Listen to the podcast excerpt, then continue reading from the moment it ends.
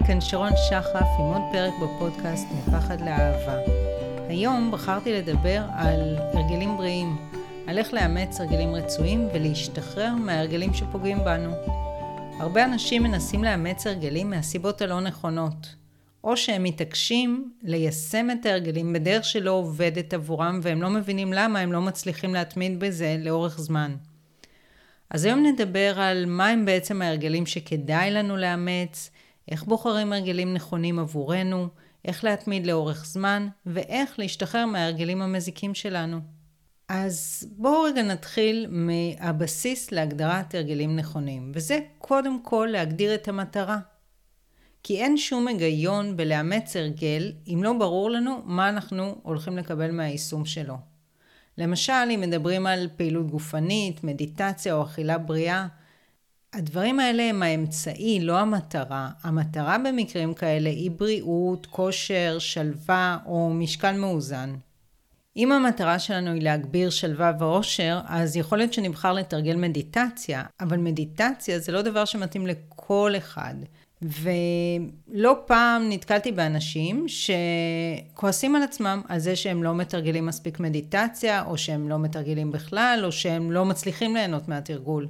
ואז אם אמרנו שהמטרה היא להגביר אה, שלווה ואושר, הם בעצם מגבירים שיפוט עצמי והם לגמרי לגמרי מפספסים את המטרה. אז אם אותם אנשים היו שואלים את עצמם, מה עושה לי טוב וגורם לי להרגיש שלווה, אז יכול מאוד להיות שהם היו מחליטים לצייר, לבשל, לעבוד בגינה, לעשות ספורט, לצאת לטיול או לקרוא ספר שהם נהנים ממנו. הדבר הבסיסי הנוסף הוא להבהיר לעצמנו את הלמה.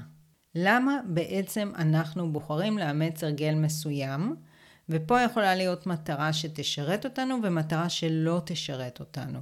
הרבה מאוד אנשים מנסים לאמץ הרגלים כדי לחזק את הדימוי שלהם בעיני עצמם ובעיני אחרים.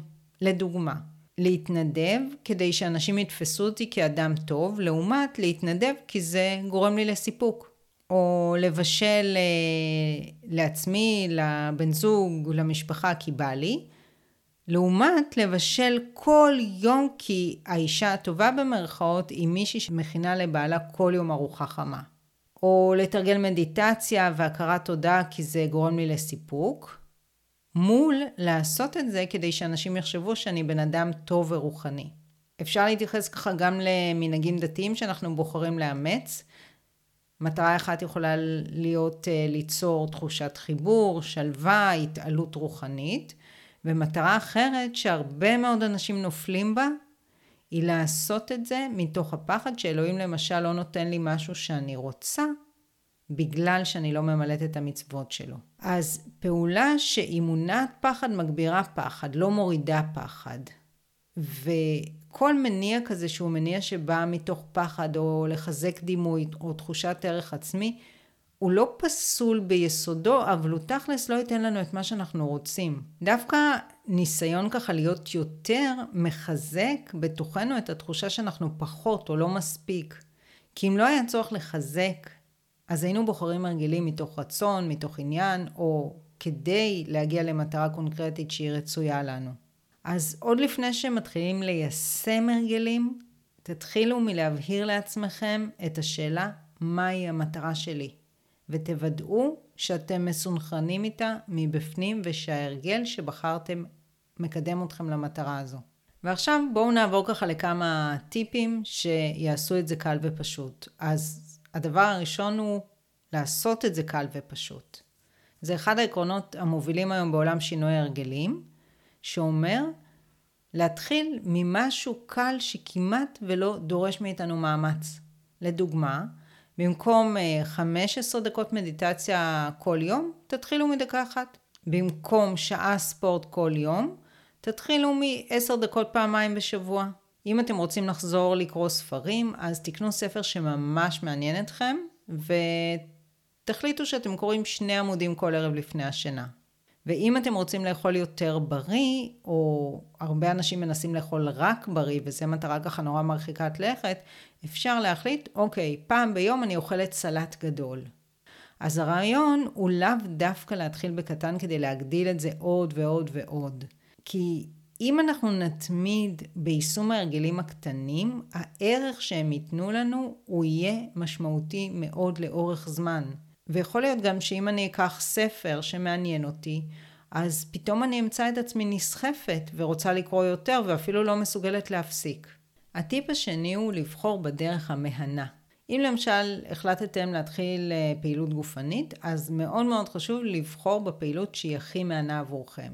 ואם אין משהו שאתם נהנים ממנו, בטוח יש משהו שפחות גורם לכם לסבול, או לחלופין, שהתחושה שאתם נשארים איתה אחרי האימון היא כל כך טובה, שזה מרגיש לכם שזה שווה את המאמץ. ואם אתם החלטתם לקרוא, לחזור לקריאה או להתחיל לקרוא, אז אם תכריחו את עצמכם לקחת את הספר הנכון, שאין לכם שום חשק לקרוא, לקחת אותו שוב ליד, זה לא יצליח. אבל אם תגידו, אוקיי, לא מעניין אותי, אני מוותרת, ותיקחו ספר שממש ממש מעניין אתכם, אז יש לזה סיכוי הרבה יותר טוב להצליח. אז לא כל הרגל יכול להיות מהנה, למשל, לנקות את הבית פעם בשבוע, אולי זה לא כזה כיף גדול, אבל זה משרת מטרה מסוימת שהיא מאוד נעימה כשהבית מסודר ונקי.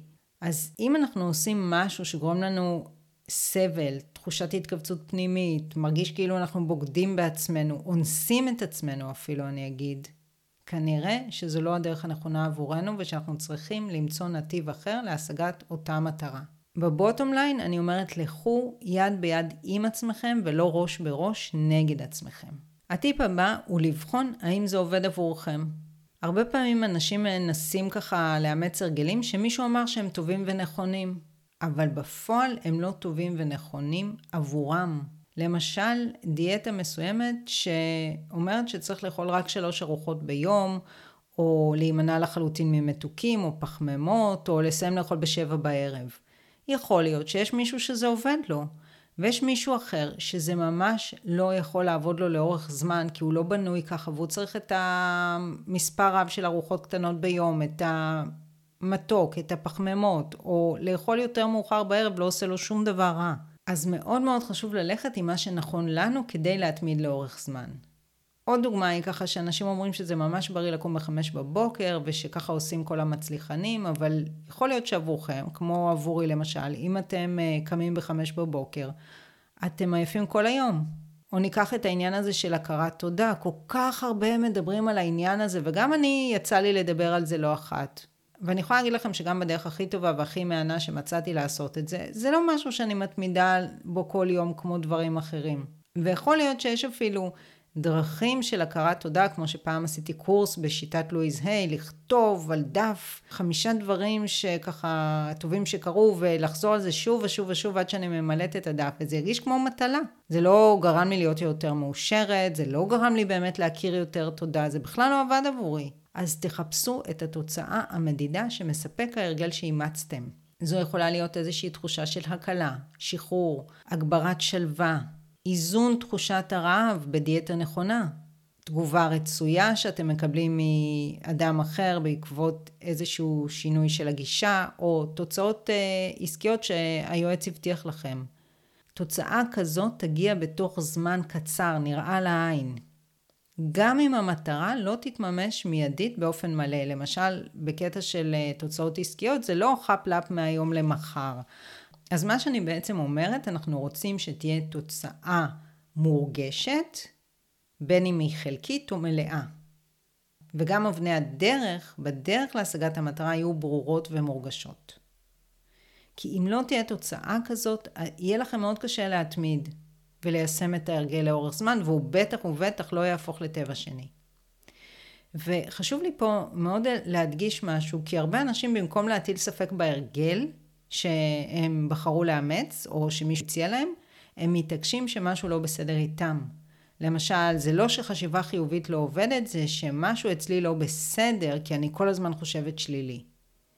אז זה דה-לגיטימציה עצמית מאוד חמורה, וזה ויתור על הסמכות הפנימית, ואני מזמינה אתכם להימנע מזה ולהתחיל יותר לסמוך על עצמכם ועל התחושות שלכם.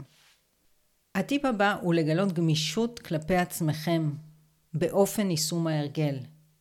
גמישות זה ההפך מנוקשות, משיפוט עצמי מחמיר, בכל פעם שסטינו ממה שקבענו מראש. וזה הסוד הגדול שמאפשר התמדה לאורך זמן, לפחות מהניסיון שלי בדברים ככה שאני תכף אה, אתן לכם דוגמה. למשל, אני כבר אה, הרבה מאוד אה, שנים מתרגלת מדיטציה ומיינדפולנס. ואם תשאלו אותי ככה מה הכלל אצבע שאני ממליצה, אני אגיד חמש דקות ביום. אבל אני עצמי לרוב לא עושה את החמש דקות האלה. לפעמים אני עושה דקה, שתיים, שלוש, לפעמים אפילו לא זה. מה שאני כן מקפידה עליו כל יום זה להיות נוכחת בחיי היום-יום. רגע פה, רגע שם, להיות נוכחת בתוך משהו שאני עושה, להסתכל, לראות, לגעת במישהו שאני אוהבת. ובצורה הזאת, מכיוון שאני גמישה ומכיוון שאני מתאימה את אופן התרגול לצרכים האמיתיים שלי, קל לי לשמור כבר 15 שנה על רצף של תרגול. ובדיוק באותו אופן, אני כבר מתמידה 25 שנה בפעילות גופנית ו-30 שנה באכילה שהיא מאוזנת ובריאה מאז שהשתחררתי מהפרעות אכילה שסבלתי מהן. דווקא בגלל שיש לי חופש, לפעמים אם אני רוצה לעשות פחות ספורט או לאכול משהו לא בריא, במשך השנים אני עושה יותר ויותר ספורט ואוכלת יותר ויותר בריא. פשוט כי זה עושה לי טוב. אני בעצם לא עסוקה בשיפוט העצמי, אני עסוקה במטרה, להרגיש טוב, להיות בריאה יותר. אז אלו הטיפים ככה העיקריים שלי עבורכם בשביל אימוץ הרגלים טובים, ועכשיו ככה נעבור לחלק שמדבר על איך להשתחרר מהרגלים לא בריאים, שזה חלק לא פחות חשוב. למשל, יש הרגלים כמו עישון, אה, או שיטוט אינסופי ברשתות, או צפייה מוגזמת בטלוויזיה, או ככה, אפילו להתלונן זה סוג של הרגל הרסני מאוד. וגם כאן, כמו באימוץ הרגלים בריאים, הדבר היסודי והחשוב ביותר הוא רצון חד משמעי. לדוגמה, הייתה לי מתאמנת שדיברתי איתה על הפסקת עישון, ואחרי שחקרנו את זה ככה, אז היא הודתה שהיא פוחדת להפסיק לעשן כי היא עלולה להשמין. או שהיו לי כמה מתאמנות שמאוד מאוד מאוד רצו זוגיות, אבל הם הודו שהן עדיין לא מוכנות לוותר על מעקב אחרי האקס ברשתות, או על קשר עם איזשהו גבר שלא מוכן להתחייב כלפיהן. אז בעצם הן הולכות נגד המטרה, בכיוון ההפוך מהמטרה שלהן כשהן עושות את זה. אבל הן עדיין לא בשלות, וזה בסדר להכיר בזה. הרבה מאוד אנשים שרוצים לעשות דיאטה חושבים היום שהם צריכים להימנע ממתוקים ופחמימות ויש בתוכם איזושהי רתיעה מאוד גדולה מזה. אז או שהם לא מתחילים בכלל, או שהם מתחילים ונשברים כל פעם ומסיימים בזלילה. ואם לכם יש את הדפוס הזה, אז אני מאוד מאוד ממליצה להאזין לפרק בפודקאסט שנקרא להשתחרר אחת ולתמיד מאכילה רגשית, שאני מסבירה ככה באמת איך אני השתחררתי מהפרעות האכילה שלי לפני 30 שנה. אז עכשיו בואו נדבר על כמה טיפים שיכולים לעזור להשתחרר מהרגלים לא בריאים. אז קודם כל, להפוך את הגישה להרגל לפחות נגישה. למשל, כשאנחנו נמנעים מלהכניס מאכלים מסוימים הביתה, אז הם פחות יפתו אותנו. או אם אני מורידה את האפליקציה של פייסבוק או אינסטגרם מהטלפון, אז אני פחות אכנס. אני יכולה להיכנס עדיין מהרשת, אבל זה יהיה פחות נוח, ומניסיון אני אומרת, לפחות אצלי, אבל אני לא מכורה כבדה, שזה גורם לי להפחית את מספר הכניסות בצורה דרמטית. אפשר במקרים כאלה, אם אתם אה, מכורים כבדים, להשתמש באפליקציות לחסימה ולהגדיר חסימה של אותן אפליקציות לא רצויות בשעות מסוימות. אז נכון, אתם יכולים לשחרר את החסימה בכל אה, רגע, אבל יכול להיות שעצם הפעולה לעשות את זה תמנע חלק גדול מהכניסות. עוד דוגמה, אני למשל הצלחתי להשתחרר מהתמכרות שהייתה לי, ממש ממש התמכרות להוצאת מה שנקרא שחורים מהפנים, אה, מה שנקרא קומודונים שחורים. מגיל 15 בערך, אימא שלי הסבירה לי ולאחותי איך לעשות את זה, ואחר כך במשך שנים הייתי עושה את זה כל הזמן ובכל מקום, אפילו ככה נאמר יורדת במעלית אה, בדרך מהעבודה ומסתכלת ונוגעת. וזה היה עושה לי פצעים נוראים בפנים, וזה מגביר רק את הפצעים והקומודונים האלה. אז יום אחד היה לי רעיון. פשוט מאוד החלפתי את הנורה במקלחת לנורת לילה כחולה. ואז לא ממש ראיתי ולא יכולתי לעשות את זה. והיום, גם אם יש לי ככה אור בהיר במקלחת, כבר אין לי את הדחף לעשות את זה. טיפ נוסף הוא להחליף את ההרגל בהרגל בריא יותר. אבל ההרגל הבריא צריך להיות הרגל שווה, ולכן זה לא מתאים לכל מצב. אני אתן לכם דוגמה שכן יכולה לעבוד. למשל, אם אתם אוהבים גלידה, אז אתם יכולים להקפיא בננה ולהכניס אותה ככה למעבד מזון עם כפית חמת בוטנים, וככה אתם יוצרים גלידה שהיא מאוד מאוד מאוד טעימה והיא גם מאוד בריאה. באנגלית קוראים לזה נייס קרים במקום אייס קרים. ויש עוד המון אפשרויות אה, ככה חוץ מהבננה והחמת בוטנים עם מגוון פירות וגם ללא תוספת שומן שזה משהו ממש ממש טעים ושווה. דבר נוסף שקשור גם לאימוץ הרגלים בריאים וגם לוויתור על הרגלים לא בריאים זה סליחה וחמלה עצמית. כי שינוי הרבה פעמים לא מתרחש בן לילה. ולכן כדי להצליח ביישום השינויים אנחנו חייבים ככה לסלוח לעצמנו שוב ושוב כשאנחנו נופלים להרגל הישן או כשאנחנו מוותרים לעצמנו ולנסות שוב, להתחיל שוב. אם נהיה עסוקים בלכעוס ולהוקיע את עצמנו על כל ויתור ועל כל טעות אז מהר מאוד אנחנו נרים ידיים. אבל אם אנחנו נהיה מוכנים לסלוח לעצמנו, להתייחס לעצמנו כאנושיים לא כרובוטים, זה יאפשר לנו פשוט לקום ולנסות שוב. עד שההרגל הישן ייעלם, או עד שיגיע הרגע הנכון להתחיל ביישום של ההרגל החדש. אז ככה, לסיכום אני אגיד, בעזרת רצון, אורך רוח, חמלה עצמית ונחישות, אפשר לשנות אפילו את ההרגלים הנוקשים ביותר. פשוט להבהיר לעצמנו מה אנחנו רוצים, לנסות, לבדוק אם זה עובד עבורנו, לעשות התאמות במידת הצורך, ולנסות שוב, במידה שלא הצלחנו בפעם הראשונה.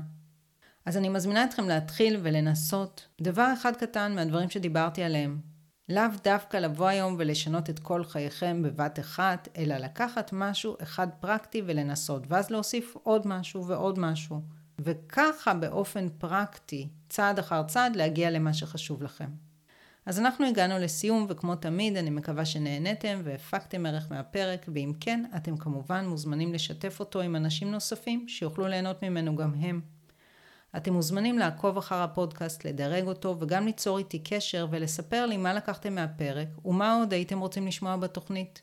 אני מזמינה אתכם להציץ גם בהערות לפרק, אני משאירה שם כישורים להעמקה ופרטים ליצירת קשר איתי, ויש שם גם כתבה שהפרק הזה בעצם אה, מבוסס עליה, שתשמש כתזכורת. אז שיהיה המשך יום מקסים ולהתראות בפרקים הבאים.